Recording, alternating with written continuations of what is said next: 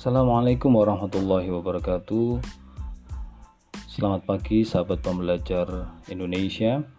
Uh, apa kabar semuanya? Sehat-sehat? Uh, di hari yang Jumat uh, berkah ini, marilah kita mulai dengan aktivitas yang produktif, aktivitas yang mampu menggugah semangat, aktivitas yang mampu Eh, memberikan dampak positif bagi bangsa dan negara kita. Oke, di podcast yang pertama ini kawan belajar di di podcast kawan belajar al mustikawan pagi ini.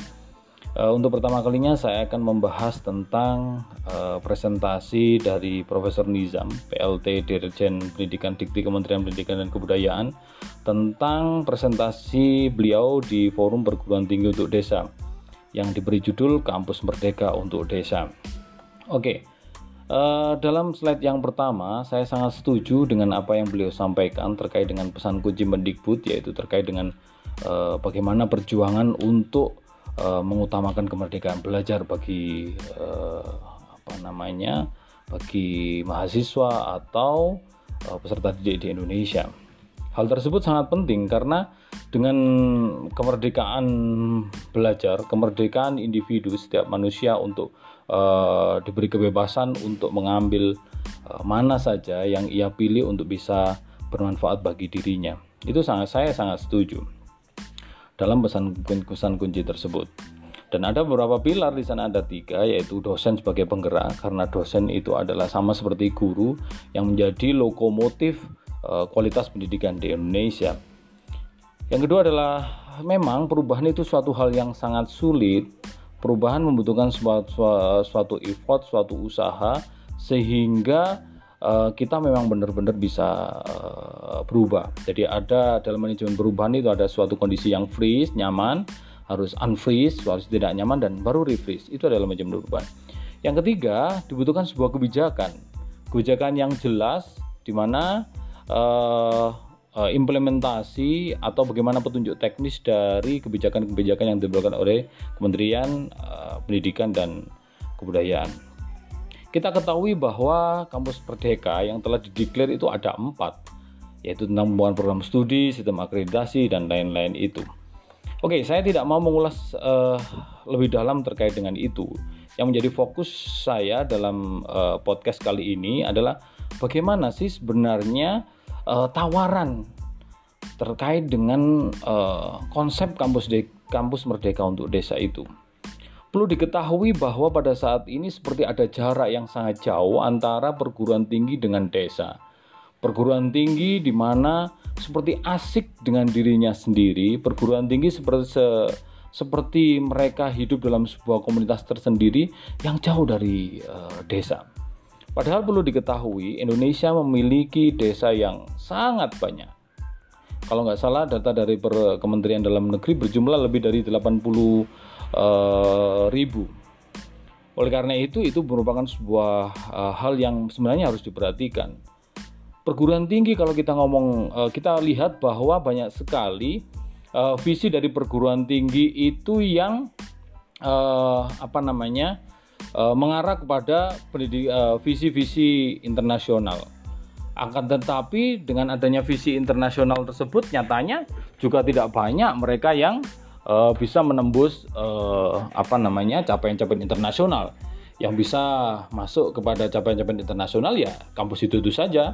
Sebut saja UI, ITB, dan UGM. Yang lain mana? Padahal kita lihat uh, di jalan-jalan di baliho-baliho kita sering melihat bahwa ada world class university, perguruan tinggi A, world class university, tapi nyatanya juga nggak bisa uh, perguruan tinggi. Nah, mestinya perguruan tinggi perguruan tinggi itu melakukan sebuah refleksi, uh, melakukan sebuah evaluasi diri, sebenarnya positioning mereka itu seperti apa. Pada saat ini kesannya mengikuti genderang eksternal, tapi lupa akan genderang atau potensi yang ada di dalam. Oke, okay, maksud saya di sini pada saat tawaran-tawaran yang ada di dalam uh, yang disampaikan oleh Prof Nizam itu uh, seolah-olah masih desa itu sebagai suatu objek dari layanan perguruan tinggi terutama dalam tri, uh, tri dharma perguruan tinggi yaitu pendidikan, penelitian, pen, uh, pengabdian kepada masyarakat. terutama dalam hal pengabdian masyarakat. Nah, seolah-olah desa itu hanya sekedar sebagai objek KKN saja. Akan tetapi, andai kan dibalik misalkan bahwa desa desa itu kita jadikan sebagai resource uh, learning dalam sebuah pembelajaran.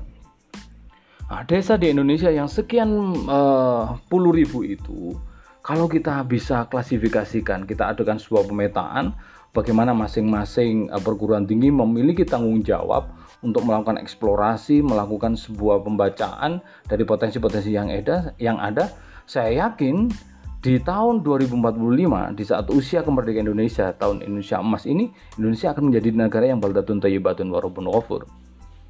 Masing-masing desa misalkan kita lihat uh, kalau di Malang sini ada desa yang memiliki potensi wisata. Ada desa yang memiliki potensi uh, kelautan di daerah Malang Selatan sana. Ada yang memiliki potensi uh, pesantren pendidikannya. Ada yang potensi perkebunan ada kopi di sini dan lain-lain. Nah, ketika itu digali, dieksplorasi, dikemas dengan sentuhan-sentuhan uh, pendidikan dan uh, penelitian, saya kira itu bisa dilejitkan.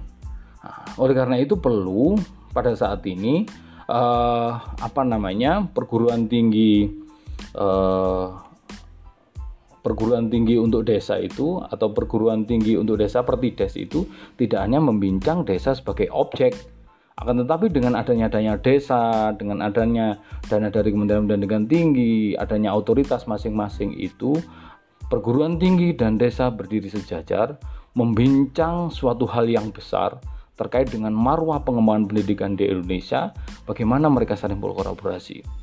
Nah, bisa jadi nanti yang mengajar di perguruan tinggi itu adalah orang-orang desa, yang di baik itu petani atau itu nelayan atau itu Pak Lurah yang memiliki apa namanya pengalaman-pengalaman sosial kultural yang ada di desa dari kiai atau dari siapa pun yang ada di desa. Saya yakin akan menjadi sebuah hal yang harmonis. Oleh karena itu kita perlu menyusun sebuah framework bersama bagaimana kerjasama itu yang harus uh, apa namanya kita kembangkan bersama-sama antara pihak desa dan perguruan tinggi. Saya kira perguruan tinggi nggak usah terlalu mu, anu lah ikut mengikuti eh, standar-standar yang ada di luar negeri. Cukup kembali ke sini dan insya Allah akan bisa menjadi perguruan tinggi yang sangat besar. Karena apa?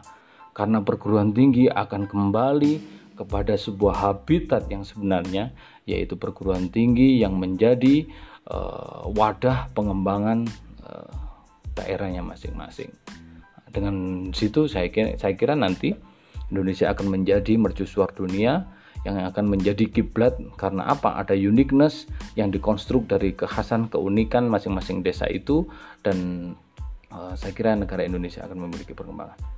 Kita perlu kembali kepada diri kita, hasibu amfusakum, ibda binafsik. Jadi harus kembali kepada diri kita masing-masing dan uh, Indonesia akan menjadi negara itu. Jadi kampus merdeka untuk desa ya kita kita merdekakan masing-masing itu, kita merdekakan perguruan tinggi secara kafah, kita merdekakan desa secara kafah, mereka diberi kebebasan untuk melakukan suatu eh, apa namanya inovasi-inovasi berdasarkan kekhasan mereka.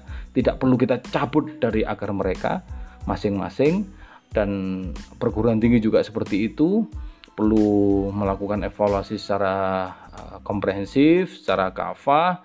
Dengan di situ akan ketahuan bahwa sebenarnya visi misi uh, perguruan tinggi sebenarnya apa, positioningnya seperti apa, dan dia akan uh, memiliki apa namanya ladang khidmah di sisi yang mana. Nah, kolaborasi antara perguruan tinggi dan desa dengan menjunjung kesetaraan, dengan menjunjung tinggi uh, apa namanya berbasis ilmu pengetahuan dan nilai-nilai budaya lokal, saya saya yakin akan membawa Indonesia semakin berkembang, semakin maju dalam uh, hasana uh, keindonesiaan yang paripurna.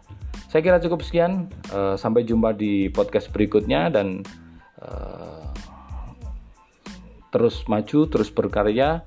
Uh, Jumat berkah dan Assalamualaikum warahmatullahi wabarakatuh.